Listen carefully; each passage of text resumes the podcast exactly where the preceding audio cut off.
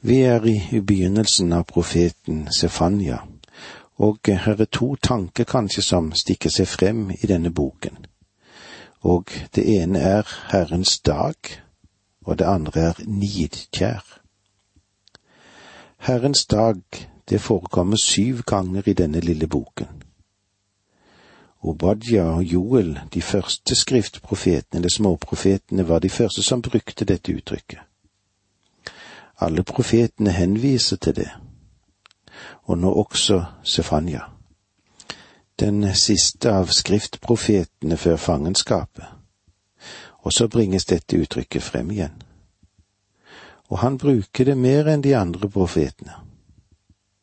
Denne formuleringen Herrens dag dukker opp sju ganger men det er også andre henvisninger til selve saken. Dette uttrykket står spesielt i forhold til den store trengselsperiode som kommer forut for riket. Men Herrens dag inkluderer også rikets epoke. Den store trengselsperiode ender når Kristus kommer til jorden for å opprette tusenårsriket og alt dette sammenfattes i begrepet Herrens dag. Vekten i Sefanias bok ligger på dom. Joel åpner også sin profetiske rekke med en beskrivelse av den store gresshoppeplagen, og kan sammenligne den med Herrens dag som kommer i fremtiden. Joel sier at Herrens dag er ikke lys, den er mørke. Det er eh, på den dystre bakgrunn av menneskets synd at Gud skriver i lysets skrift den vidunderlige evangeliehistorien både for deg og for meg. Det andre er nidkjær. Nidkjær forekommer to ganger i denne boken. Guds nidkjærhet ligger på et noe annet plan enn din og min nidkjærhet ligger på. I vår nidkjærhet og vår sjalusi er vi er ikke fremmed for å gjøre ondt. Gud er nidkjær når det gjelder dem som er hans egne. Han er nidkjær når det gjelder menneskeslekten. Han skapte mennesket, og han har stilt en forløsningsmulighet til disposisjon for mennesket, og han har gjort det mulig for alle sammen å bli frelst. Det er ikke hans ønske at noen skal gå fortapt. Nei, han vil at alle skal bli frelst. Han er nidkjær når det gjelder menneskeslekten. Men for dem som ikke venner seg til ham, så omfatter også hans nidkjærhet dom.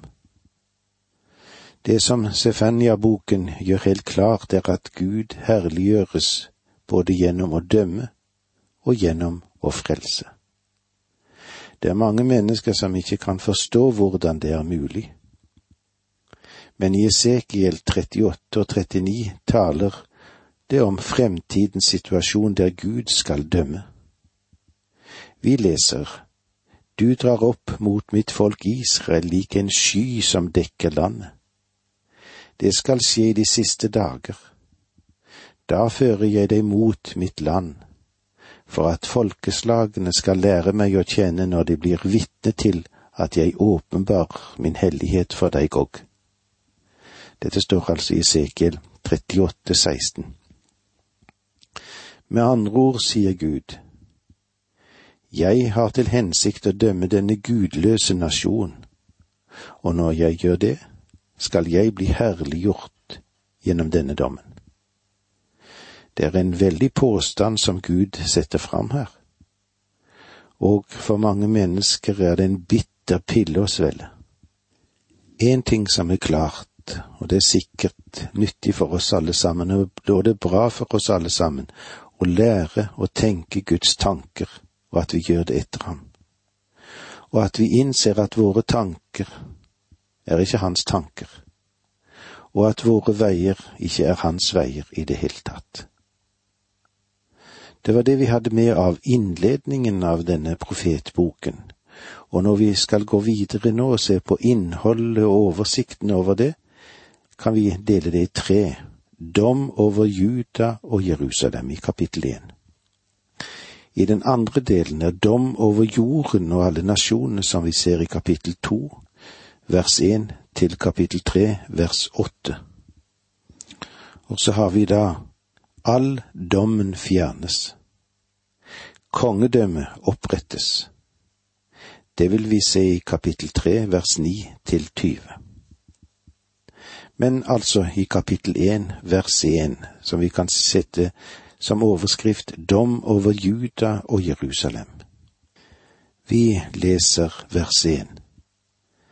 Dette er Herrens ord som kom til Sefanya, sønn av Kushi, sønn av Gedalja, sønn av Amaria, sønn av Hiskia, på den tid da Josia, sønn av Amon, var konge i Juda. Her ser vi altså at Sefanya han identifiserer seg selv som tilhører den, tilhører den kongelige familien. Hiskia, konge i Juda, det var hans tippoldefar. Sefanya profeterte under Josias sin regjeringstid. Det var den perioden da den siste åndelige bevegelse vekket Sydriket Juda. Det var en mektig vekkelse på den tiden. Det er ikke den største som har vært, men den varte heller ikke så lenge. Men det var en vekkelse. Stefania kjente noe til Ammons regjeringsepoke. Han var en ond konge, og også Manasseh forferdelige regjeringstid. Han så at dommen nærmet seg nasjonen og truet folket, og hans budskap, det er meget skarpt. Vers to Jeg river bort, alt river jeg bort fra jorden, lyder roret fra Herren. Dette er skarp lut. Gud sier, Jeg har til hensikt å dømme og når jeg gjør det, så soper jeg med meg alt. Landet, det skal bli som om jeg har gått over det med en bulldoser. Dette er en total dom. Når vi går videre i denne profetien, så vil vi legge merke til at dommen dekker mer enn bare landet Israel. Det er en verdensvid ødeleggelse som profeten har foran oss her. Åpenbaringsboken bekrefter dette og plasserer tiden for denne dommen som er den store trengsel. Under den epoken skal jorden bli absolutt kledd naken ved den dom som kommer over den. Det vil skje rett før Gud bringer inn tusenårsriket og fornyer jorden. I det tredje verset her i Sefania 1. Jeg river bort både folk og fe fuglen i luften og fisken i sjøen. Jeg fører de ugudelige til fall og utrydder menneskene fra jorden, lyder ordet fra Herren. Jeg river bort både folk og fe. Hele skapningen er inkludert i denne dommen. Vi prøver så godt vi kan her og der å unngå de økologiske katastrofer som etter hvert tar om seg. Det gjelder om å ta vare på det utdøende rase både av fugler og fisk og dyr. Men eh, når Herrens dom kommer, vil den berøre med sjokkerende makt hele skapningen. Vers fire Jeg rekker ut min hånd mot Juda, mot alle som bor i Jerusalem. Jeg tar bort fra dette stedet den siste rest av Baal og avgudsprestenes navn sammen med prestene. Jeg rekker ut min hånd mot Juda, mot alle som bor i Jerusalem. Gud gjør det helt klart her at Juda og Jerusalem skal skilles ut for å møte sin dom. Jeg tar bort fra dette sted den siste rest av Baal. Det som fører Guds dom over landet er knyttet til et bestemt forhold det er avgudsdyrkelse. Hos profeten Habakuk nevner Gud fem vedrop knyttet til fem forhold som Gud vil virkeliggjøre på grunn av den synd de har begått. Avgudsdyrkelse var den siste. Men her sammenfatter Sefanya alle disse forhold og fører dem tilbake til en kilde. Avgudsdyrkelse, det vil si falsk religion. Og med disse ordene sier vi takk for nå må Gud være med deg. Dette undervisningsprogrammet består av to deler. Åge Nevland fortsetter nå med andre del av dagens undervisning. Vi er i profeten Sefanya, et uh, lite viktig skrift som vi har foran oss her. Og uh, det han gjerne vil fortelle er at han forkynner Herrens dag når den kommer.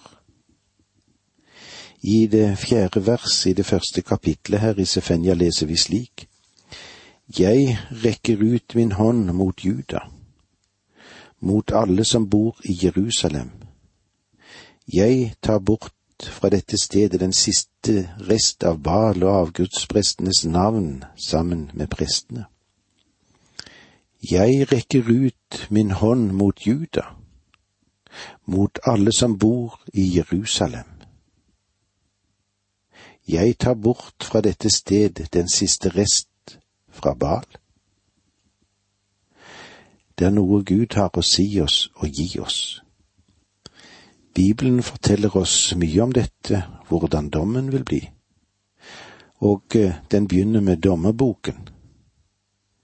En filosofi bak menneskelig styringsform som du vil se også er sant for Guds folk og så har det vært sant gjennom alle tider for alle nasjoner, dette. Og eh, både du og jeg har sikkert lagt merke til at første skritt i et folks avvikling, hva er det? Jo, det er det religiøse frafall. Det å vende seg fra den levende og sanne Gud. Det andre skritt nedover er nasjonen som er i et moralsk forfall. Og så har vi den tredje biten som gjør det slik at det går nedover, det er et politisk anarki. Mange mennesker synes å mene at det store problemet for vårt land befinner seg i Stortinget. Nei, det er nok ikke slik.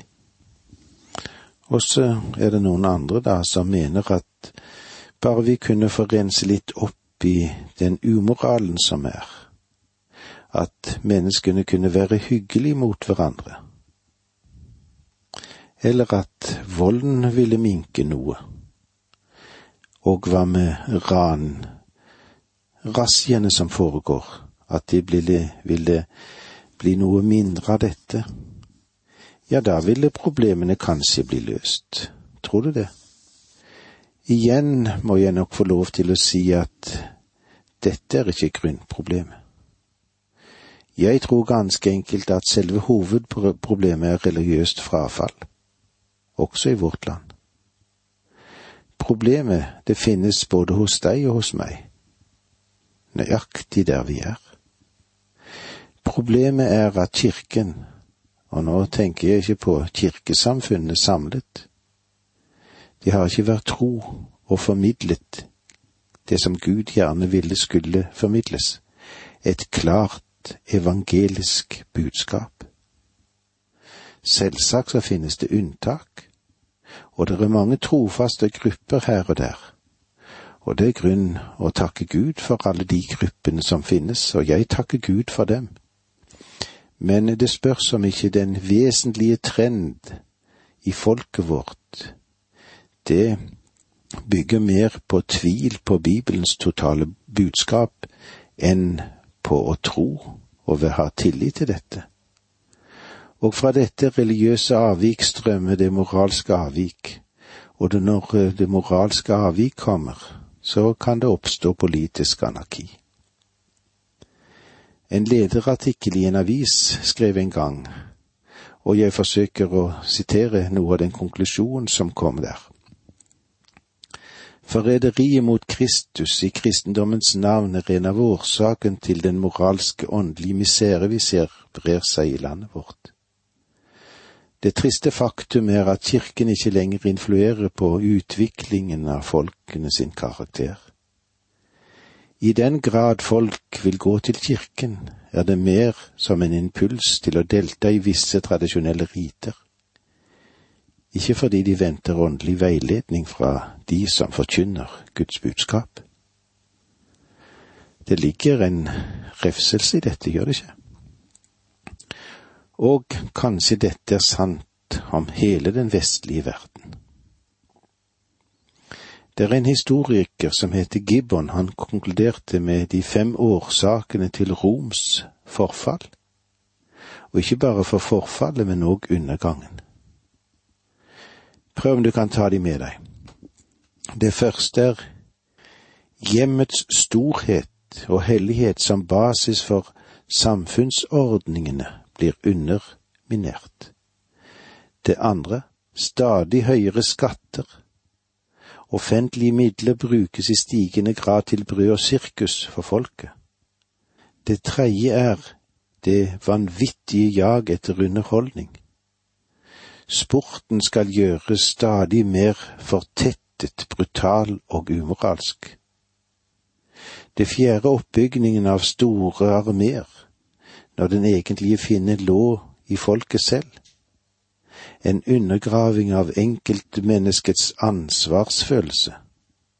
Og eh, det femte, det religiøse forfall der religion bare blir en form, miste grepet på livet, miste makten til å lede folket. Det var eh, dette som var Roms forfall og undergang. Budskapet fra Sefania markerer dette skriftens prinsipp for ledelse av folket, og så setter den fingeren på det svakeste punkt i sydrike Juda, avgudsdyrkelse. Sefania han så det som hendte. Folket hadde nå plassert seg i rutsjebanen. De var på vei ned og ut, og dommen, den var på vei inn. Når et folk viker av fra den levende og sanne Gud, eller når det gir opp vesentlige moralske prinsipper, basert på det religiøse og, det, og de forpliktelser som er der, når de henfaller til avgudsdyrkelse, ja, da fører det ufravikelig til grov umoral, og senere til politisk anarki. Det som er interessant her, er at det nevnes tre former for avgudsdyrkelse. Jeg tar bort fra dette sted den siste rest av Bal. Første form for avgudsdyrkelse er tilbedelsen av Bal, den som ble introdusert for Nordriket gjennom dronning Jesabel. Hennes far var ypperste prest for tilbedelsen blant Sidons befolkning. I Sydriket ble det smuglet inn en populær form for Bal-gudsdyrkelse. Og Balalterne ble bygget opp under Manasses regjeringstid. Det er en situasjon som illustrerer hvor nyttig det er på samme tid å studere de sammenfallende deler av de profetiske og historiske bøker i Bibelen. På dette punkt ville det være til hjelp å lese bakgrunnsstoffet for Manasses regjeringsperiode. Det kan du se i annen kongebok kapittel 21, og du kan òg lese om dette i annen krøniker 33. Det var ingen konge som fjernet seg så langt fra Gud som det denne mannen gjorde. Han gjeninnførte tilbedelsen av Baal, som var en meget umoralsk form for avgudsdyrkelse. Sammen med tilbedelsen av Baal så kom òg tilbedelsen av Astate. Når det feminine prinsippet føres inn i guddommen, synes det å medføre en akselererende grov umoral. Og den trengte gjennom i dette folket under Manasses tid. Baal-tilbedelsen var en form for tilbedelse av naturen men i en grov hogd form. Da Josia ble konge, han som var en god konge, Det første han gjorde, det var å prøve å fjerne tilbedelsen av Baal. Siste del av dette verset, vers fire i Sefania 1, leser vi slik, og avgudsprestenes navn sammen med prestene. Her gir Sefania et signal om at presteskapet i Juda ikke var bedre enn avgudsprestene. Han stiller de rett og slett på lik linje. Det er egentlig en rystende formulering. Og avgudsprestenes navn sammen med prestene. I vers fem leser vi slik. Jeg rydder ut dem som tilber himmelherren på takene, dem som tilber Herren og sverger ved ham, men samtidig sverger ved Milkom. Jeg rydder ut dem som tilber himmelherren på takene. Sefania nevner nå den andre form for avgudsdyrkelse som skjøt fart i landet. Den var mer subtil, og den var svært farlig. Hustakene var flate, og det er sant også i dag i Israel. Det var det stedet der familien samlet seg om kveldene. Faktisk så ga Gud de en forordning som gikk på å sette opp et rekkverk rundt hustaket så ingen skulle falle ned. Sefenja han sier at hustaket blir et tilbedelsens sted, og her ser du hvordan avgudsdyrkelsen fant sin vei inn i hjemmene. Det betydde at i hvert hjem var det faktisk et lite hedensk tempel der avgudsdyrkelsen ble praktisert. Det var her det nådde selve nervesystemet i samfunnet. Jeg rydder ut dem som tilber himmelherren på takene, dem som tilber Herren og sverger ved ham, men samtidig sverger ved Milkom. Og med disse ordene sier vi takk for nå, må Gud være med deg.